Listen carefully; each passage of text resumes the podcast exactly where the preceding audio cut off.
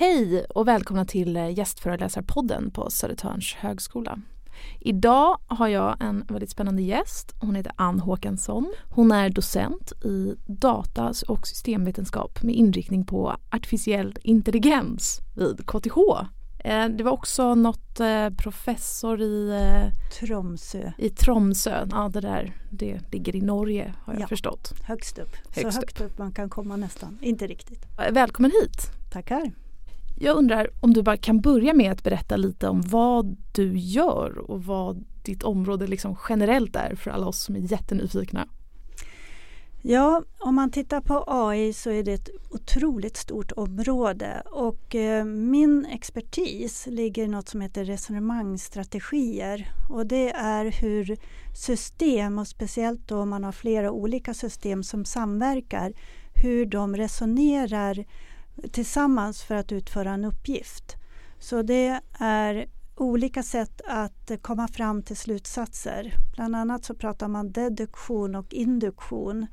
Och det här förekommer i många sammanhang, bland annat logik.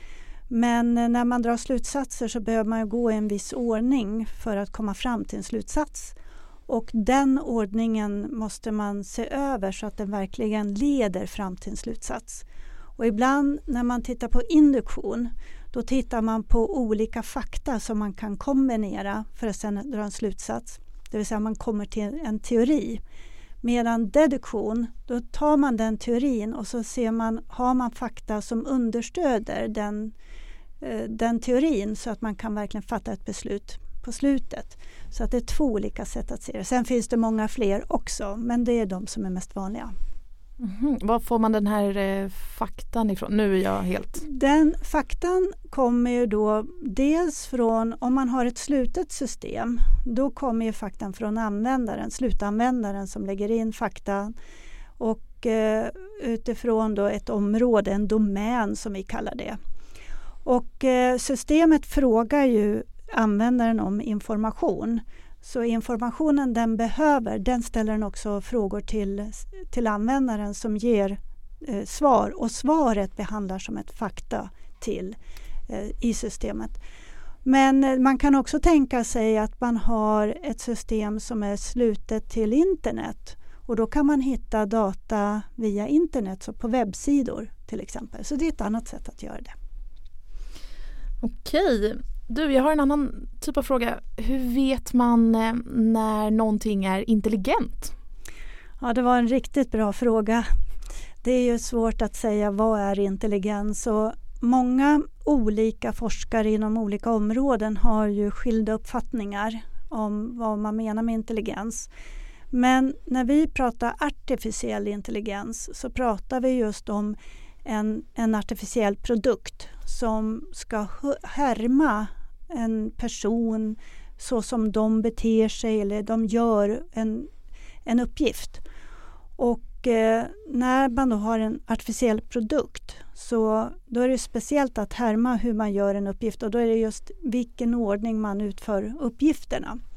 Och klarar man det då har man ju ett bra system som inte kanske åsidosätter användaren men till en viss del kan hjälpa till.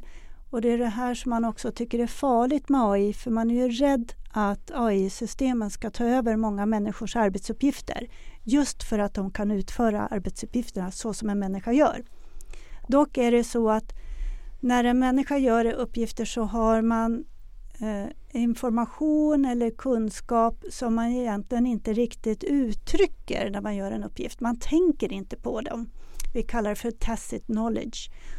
Och den informationen är ju, om man säger så här, hur gör du när du cyklar?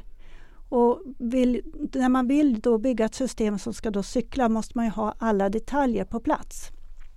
Och då brukar man fråga användaren, hur gör du när du cyklar? Och till exempel så kan man ju då säga, ja jag tar ju styret, jag sätter mig på sadeln, när man trampar. De detaljerna är lätta att uttrycka. Men sen det här med hur håller man balansen? Det är en, information, en informationsmängd som är svår att förmedla.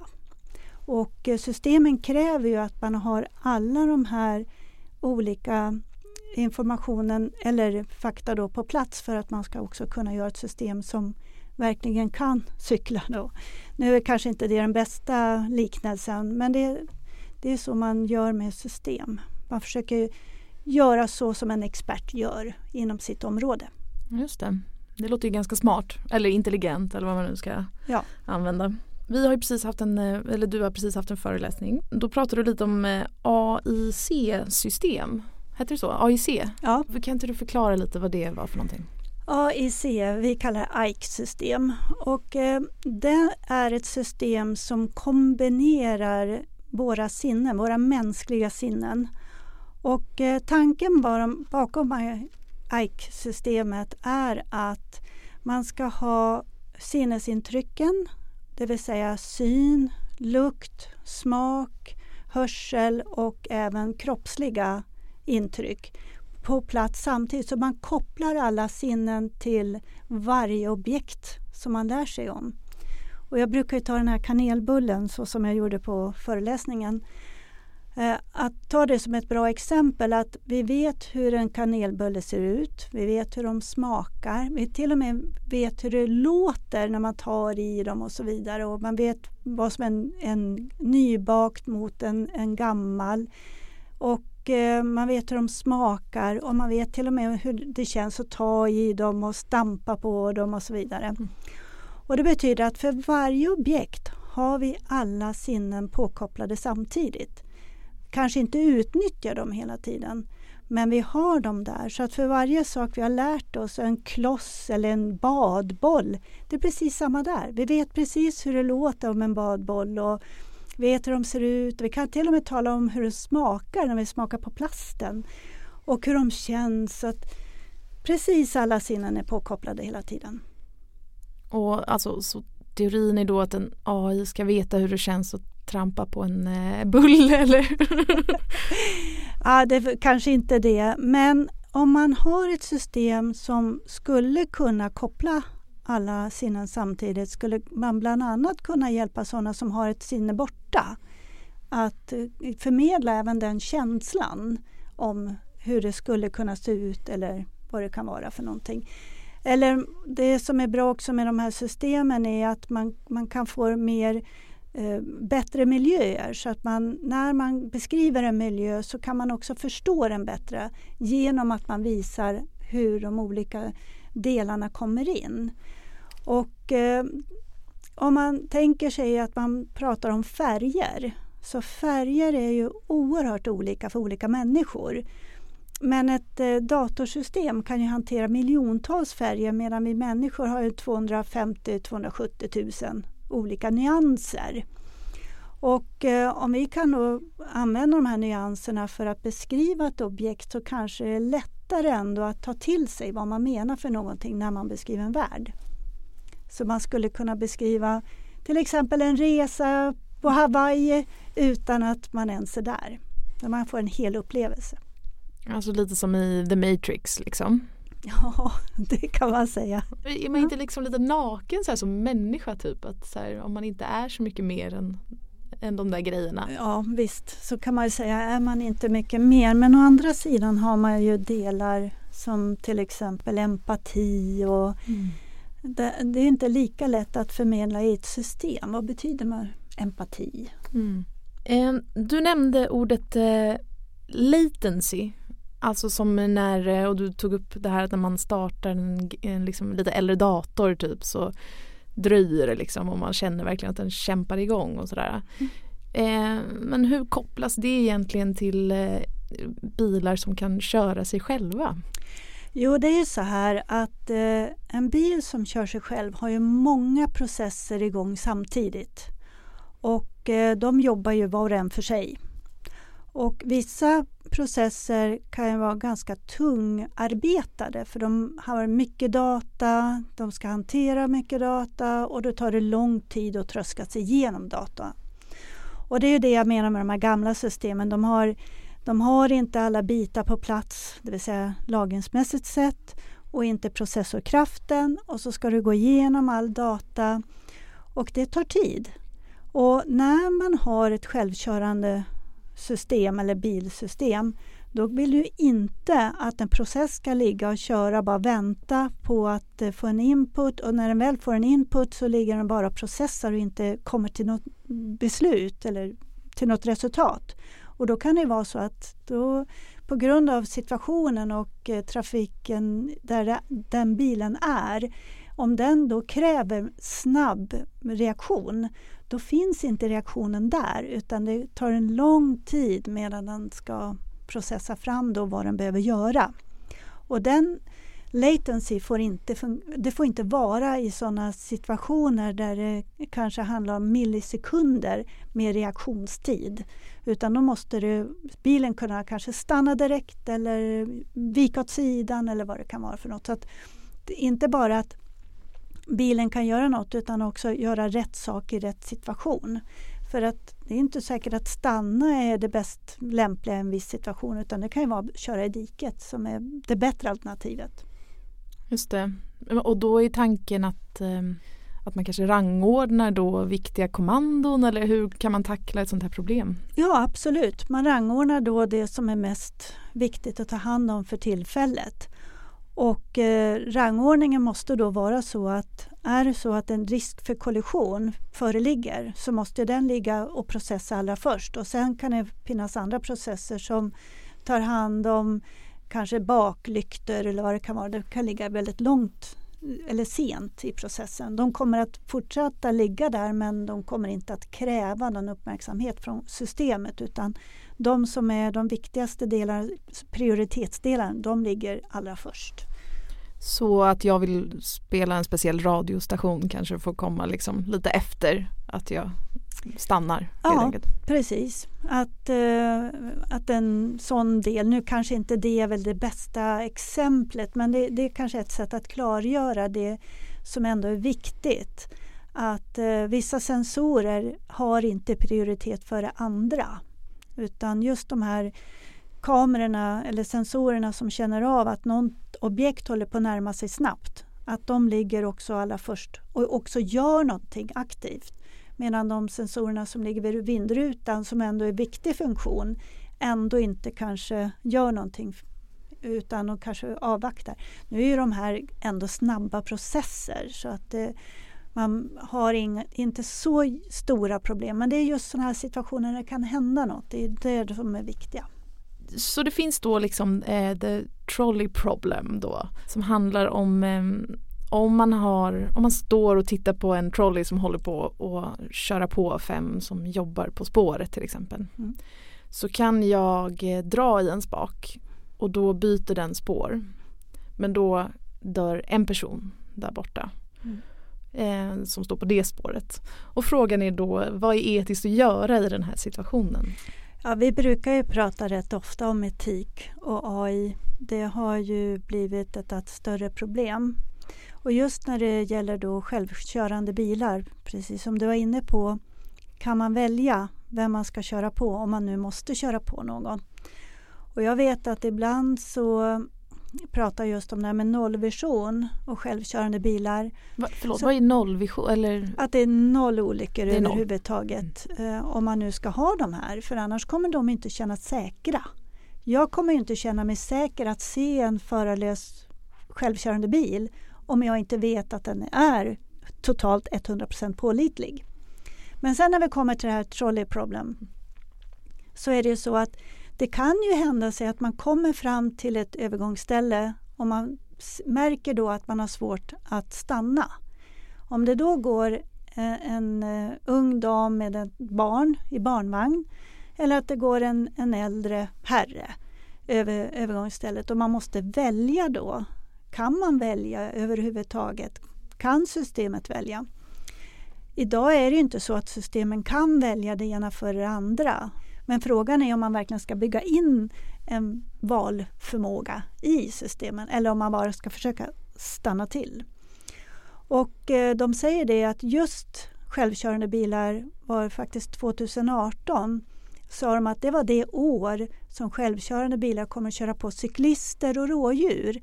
Därför cyklister kan, eh, eller de här bilarna kan inte uppfatta cyklisterna för de är en bit upp. Så att de stannar inför de som har ben, att de märker objektet. Men de som är som hjul, det är inte lika lätt att uppfatta.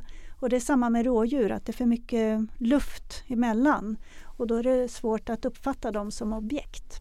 Men eh, om jag säger så här, with great power comes great responsibility. Tänk om eh, teknologin liksom hamnar i så fel händer, en väldigt klassiskt liksom, problem. Mm. Det blir lite orättvist att du ska stå till svars för det men, eh, men hur, ska man, hur kan man tänka om man håller på med sånt här? Det du tar upp nu är ju egentligen alla systems problem. Det är inte bara AI-systemen utan det är egentligen alla system som är utvecklade överhuvudtaget. Har de inte en säkerhetsmekanism i sig så finns det en stor möjlighet att man kan faktiskt hacka dem och komma in bakvägen och göra någonting som man inte ska.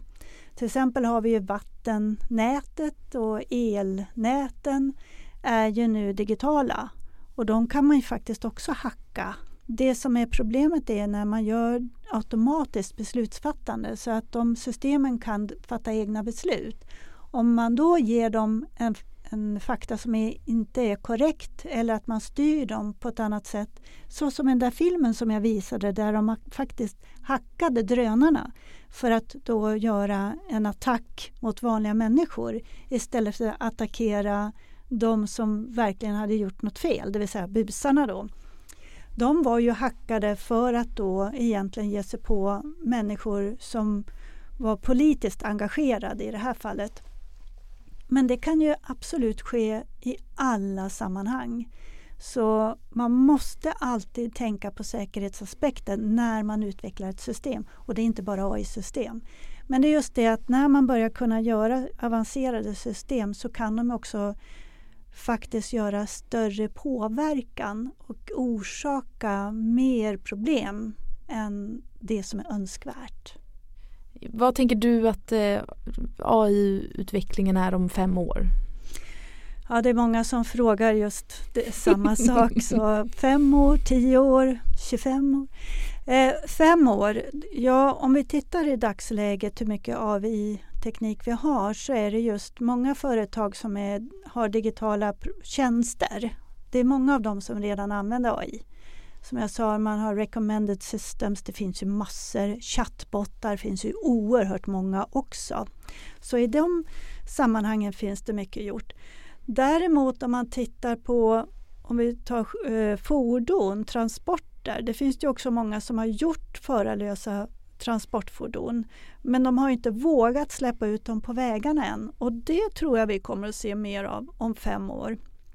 Men jag tror också att vi kommer att se mycket mer av produkter och tjänster som använder mer AI i dem, i produkterna och i tjänsterna än vad gjort hittills. Men det som är har, är lite skillnad nu för tiden är att förr tog det längre tid att utveckla någonting.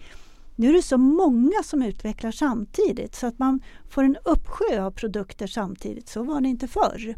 Eh, skulle du ta körkort idag?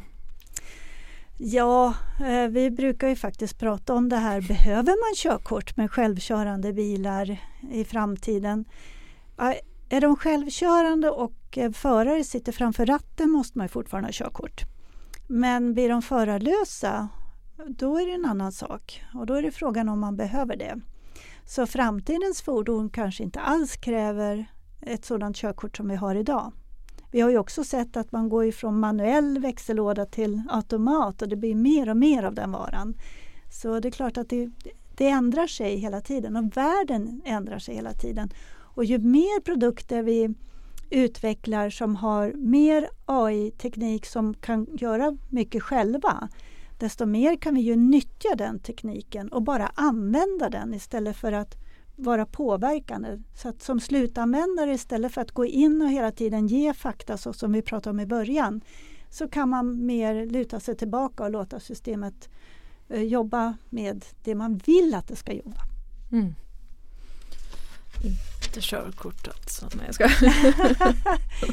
Inte ett sådant körkort. Nej just det. Man får bli en så bra resenär typ. Eller så här bra bipassagerare. Ja faktiskt. Mm. Och det är svårt om man inte har kört självkörande bil så är det svårt att låta bilen ha kontrollen. Jag har faktiskt provkört. Och när man ser ratten svänga av sig själv och man vet inte var man har bilen, det är, det är en obehagskänsla som man måste komma över och det kan man göra mer eller mindre fort antar jag. Men man kan ju fortfarande inte fullständigt lita på de bilarna. Så det, man måste använda dem med en viss försiktighet, idag i alla fall. Sen kommer de ju bli bättre men räcker det med fem år? Ja, jag vet inte. Det kanske man får nog se mer framåt i tiden, typ tio år eller så. Eh, jag undrar lite eh, om du kan berätta topp tre bra tips för att kunna som en helt vanlig lekmänniska leva med AI eller liksom att vi har det i telefonen och sånt där och att man är lite rädd att någon lyssnar eller liksom håller på. Hur kan man värja sig eller hur kan man inkorporera det här i sitt liv utan att det blir ett problem för en? Ja, det första är ju att man inte ska frånge sig personlig information. Man kan använda det på en nivå så att man Eh, försäkrar sig om att man inte ger en information som är känslig.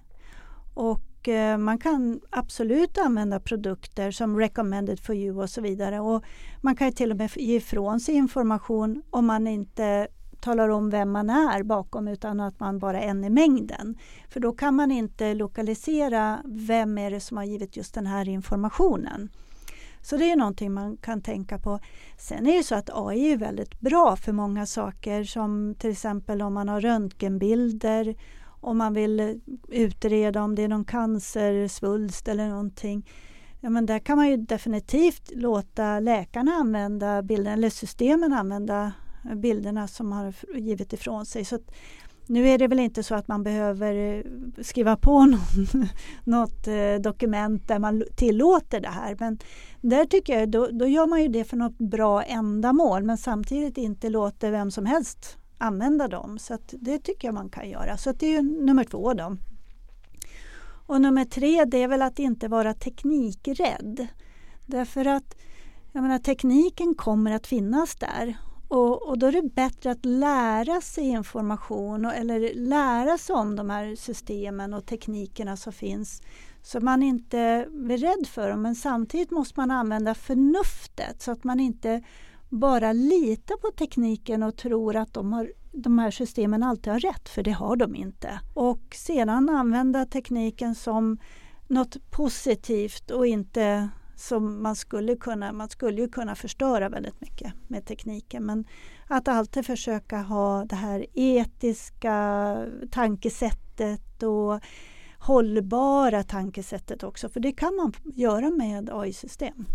Men har du till exempel en tejpbit över kameran på din dator och sånt där? Ibland så stänger jag datorn när jag vet att jag inte vill att det ska visas överallt. Och jag använder inte alla slags system heller för jag vet att det finns vissa som kan vara mer öppna än andra så då brukar jag inte använda dem. Och, eh, eh, men jag tycker ibland att ja, men det gör ingenting att de lyssnar på den här konversationen. Då får systemet vara öppet. Så, men jag brukar tänka på det, absolut.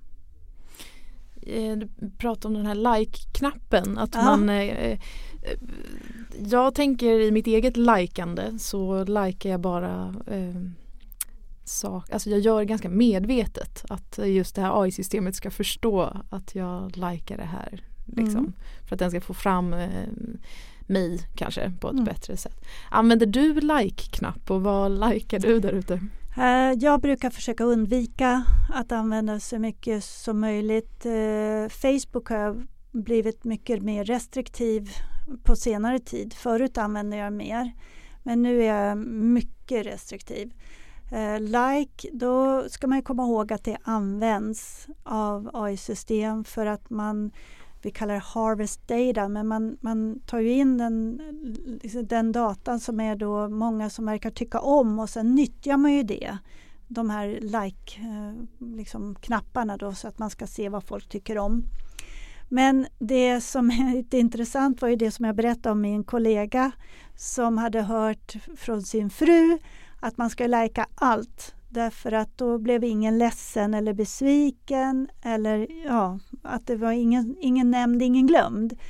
Och eh, gör man på det sättet, det är många som gör så, då kan man inte nyttja like-knapparna på samma sätt. Så då blir ju inte en persons like lika viktig om många tänker på så som den här eh, personen gör.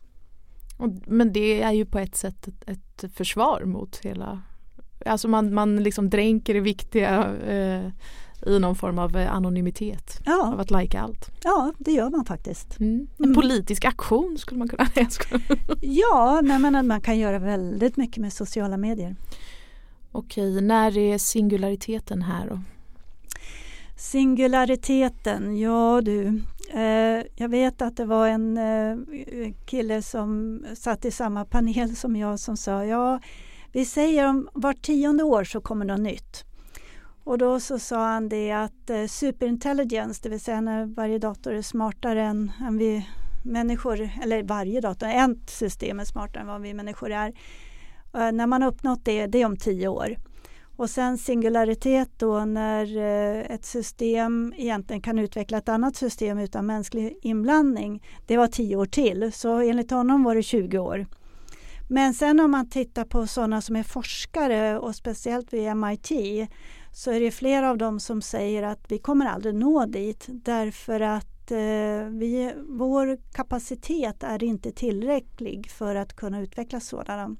Samtidigt finns det sådana som håller på med quantum eh, computing som säger att kan vi bara lösa den eh, eh liksom problemet så har vi också möjlighet att göra en system som hanterar både superintelligence och är singular, alltså hanterar singularity.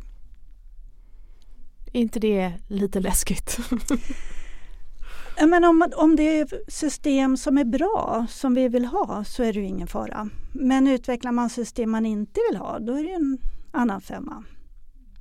Sen är det frågan om vad betyder att vara smartare än alla människor? Jag, jag går omkring varje dag och känner så. Det verkar inte betyda så mycket alls faktiskt. Nej, jag vet faktiskt inte. Men ja, det är svårt att säga. Är det att man är bättre på allt? Spela schack bättre? Ja, det kan de ju redan. Mm. Eh, så spela spel är väl inte det som kanske är det, vad vi är bra på. Men vad vi är bra på som är systemen inte är bra på det är kreativitet. Och vi jobbar mycket med kvalitet. Det ett system jobbar med kvantitet och är inte kreativa på samma sätt. Så att det är lite annat. Sen spelar ju musik då, det är väl ett sätt att vara kreativ. Men så är det ju frågan, är det någon som vill köpa den här AI-musiken? Så det måste man själv ställa sig frågan, är man intresserad av det eller inte? Eller är det köpa en AI-tavla, eller alltså en tavla som är målad av ett AI-system. Är man intresserad av att köpa sådana eller vill man verkligen köpa någon som verkligen har målat, en person som har målat? Så en person som har målat en tavla av ett AI-system. Det ja, det jag. skulle bli intressant att se vad det ser ut som. Jag vet hur våra designade system ser ut men eh, vi har ju problemet nu att vi vill ju på något sätt förklara hur AI-systemen ser ut och specie speciellt machine learning, hur de ser ut inuti. För att förklara hur kom de fram till en slutsats. Och det kan vi inte idag. Det är jättesvårt. Just det, så vi har lite tappat kontrollen ändå kan man argumentera. Ja, eller tappat kontrollen, du menar när de lär sig men sen har, är de ju inte så bra på det de har lärt sig höll jag på säga. Men det finns ju många som också svarar fel. Mm. Så ja.